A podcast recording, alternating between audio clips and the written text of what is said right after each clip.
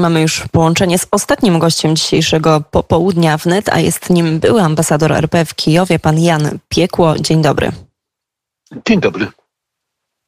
Panie ambasadorze, zaczynamy od ukraińskiego zboża. Po pierwszym transporcie władze w Kijowie wezwały do rozszerzenia umowy, która łagodzi rosyjską blokadę portów na Morzu e, Czarnym. Jak pan uważa, jakie są szanse na wznowienie ukraińskiego eksportu przez Bosfor? No i też takie e, ogólne pytanie, bo eksperci, komentatorzy wskazywali na to, że faktycznie Władimir Putin będzie bardzo mocno rozgrywał i też to robił, tą, tą kartą, jaką jest widmo e, głodu, e, przynajmniej w, w części e, świata. Czy uważa Pan, że to jest problem, który uda się w jakiś sposób rozwiązać? To wszystko jest niezwykle ciekawe i jest pewnie też trudne. W tej chwili, zdaje się, ciągle trwają rozmowy między prezydentem Erdoganem a prezydentem Putinem, gdzie pewnie te tematy są poruszane. Jak na razie udało się ekspediować y, jeden statek z y, ukraińskim zbożem do Libanu. Teraz jest mowa o kolejnych trzech, o rozszerzeniu listy portów. Y, Rosja może mieć w tym jakiś interes, bo zdaje się, że wyciek do Washington Post mm, dokument poufny mówiący o tym, że E, e, Putin będzie chciał wymusić na Erdoganie e, taki pomysł na obejście mm, sankcji w stosunku do Rosji, żeby żeby Turcja pomogła w obchodzeniu sankcji, żeby można było rejestrować rosyjskie firmy w Turcji i żeby można było również y, dokonywać płatności przez mm, tureckie banki, które mm, nie są objęte mm, sankcjami. Y, więc to ciekawe rzeczy się tam rozgrywają. Zobaczymy, jaki będzie teraz tego efekt. Jeżeli oczywiście Rosji się to nie spodoba i Turcja powie nie, no to możemy mieć nowy jakiś bardzo dramatyczny dramatyczny etap w, w rozwoju sytuacji na, na Morzu Czarnym. A to bardzo dramatyczne, bo właśnie mówimy o tym widmie głodu. Wspomniał pan ambasador o tym, że ten pierwszy statek trafił do Libanu. Liban faktycznie, jeżeli chodzi o ten eksport zboża z Ukrainy, mm, no to importował prawie chyba 70 albo 80% z zboża i nie tylko zboża właśnie z Ukrainy, więc Liban jest tym państwem, które bardzo mocno mm, odczuł zablokowanie tych portów.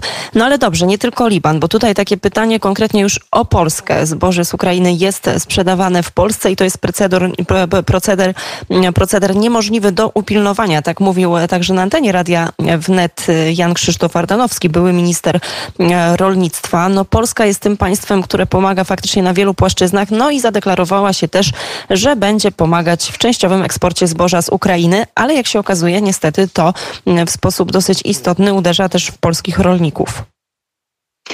No, Trudno mi się na ten temat wypowiedzieć e, merytorycznie, bo nie do końca tą sprawę znam.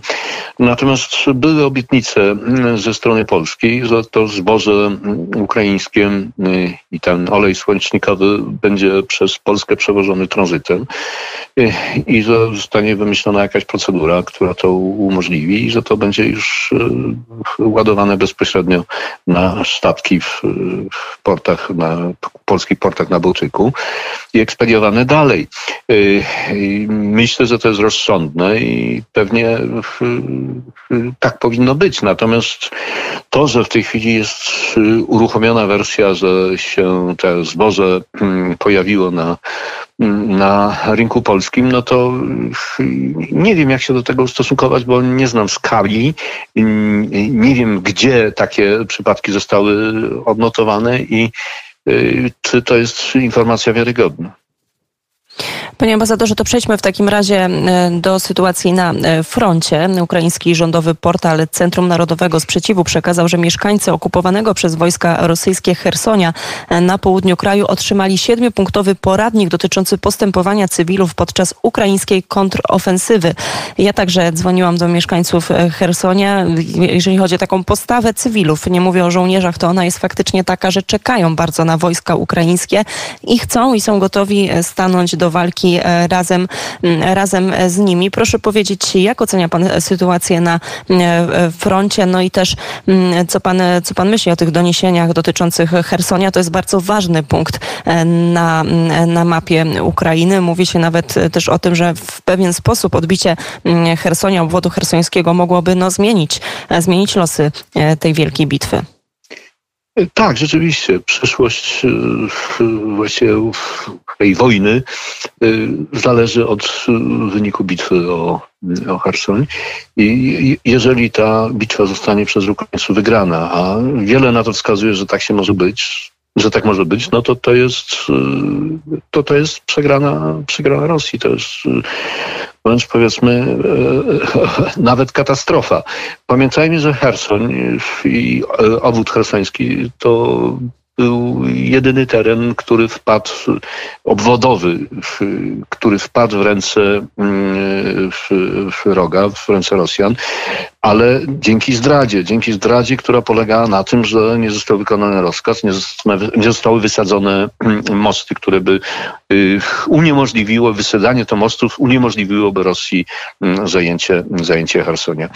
Y, więc to jest y, temat ogromnie istotny w tej chwili dla przyszłości Ukrainy, ponieważ Ukraina bez dostępu, szerokiego dostępu do Morza Czarnego, no, traci bardzo istotny status gospodarczy kraju czarnomorskiego, który przez właśnie porty na Morzu Czarnym może ekspediować swoje statki ze zbożem mm, do, przez Bosfor do, na Morze Śródziemne, do Afryki między innymi i na tym zarabiać, więc to jest po prostu klucz do właśnie ekonomii, do, do funkcjonowania gospodarki ukraińskiej. Ale żeby ukraińskie wojsko sobie z tym poradziło, to cały czas e, potrzebuje ogromnego wsparcia. Przede wszystkim e, potrzebuje e, sprzętu. Częściowo jest on dostarczany na Ukrainę. No ale właśnie pytanie o skalę tej pomocy. Gościem dzisiejszego popołudnia wnet był także były ambasador Polski na Łotwie i w Armenii Jerzy Marek Nowakowski, który powiedział o tym, że niestety ta pomoc wciąż jest za mała. Po pierwsze, że była ona dostarczona za późno, ale że teraz, teraz oczywiście już jest, pojawia się, ale zarówno ta pomoc sprzętowa w kontekście wojskowym, jak też i mm, pomoc finansowa, że, że ona jest e, za mała. Jakie jest Pańskie zdanie na ten temat? Znaczy, powiedziałbym tak, że lepiej późno niż wcale. Ta, ta pomoc jest. Być może nie jest jeszcze taka, jaką by Ukraińcy oczekiwali, jaką, jaką by chcieli, jaka, jaka by im pomogła odnieść e, przygniatające zwycięstwo, ale widać wyraźnie, że no, przy pomocy tej altereli dalekosiężnej Ukraińcy są w stanie razić mm, cele logistyczne, czyli ugrupowania wojskowe, sztaby, y, składy amunicji, pociągi mm, z transportem amunicji y, dość skutecznie, co powoduje wydłużenie linii logistycznej zaopatrzenia wojsk rosyjskich na, okupowanej na okupowanych terytoriach y, Ukrainy i utrudnia im działanie, więc jest szansa na pewien optymizm i myślę, że niedawna deklaracja e, Waszyngtonu to jest jasna deklaracja, że ta Ukraina będzie dostawała tą pomoc i to są również działania Wielkiej Brytanii, która również pomaga Ukrainie, podobnie jak i, jak i Polska. No, największy problem mamy z, z Niemcami i niektórymi innymi krajami Unii Europejskiej, które dystansują się po prostu od wspierania Ukrainy uważają, że należałoby mm, usiąść do stołu i zmusić najlepiej Ukrainę do oddania części terytorium i żebyśmy mogli dalej otrzymywać gaz Nord Stream 1, a nawet Nord Stream 2 w przyszłości. A dystansują się pańskim zdaniem tym głównym czynnik, e, główny czynnik e, to oczywiście kwestia ekonomiczna, kwestia Nord Stream 2, bezpieczeństwa energetycznego. No tutaj mówimy mm, przede wszystkim o e, Niemcach, czy być może też pewne takie niezrozumienie sytuacji geopolitycznej, no bo inaczej na agresję rosyjską patrzy nawet Polska, inaczej patrzy Litwa, inaczej patrzą państwa bałtyckie, no a zupełnie inaczej patrzą Niemcy.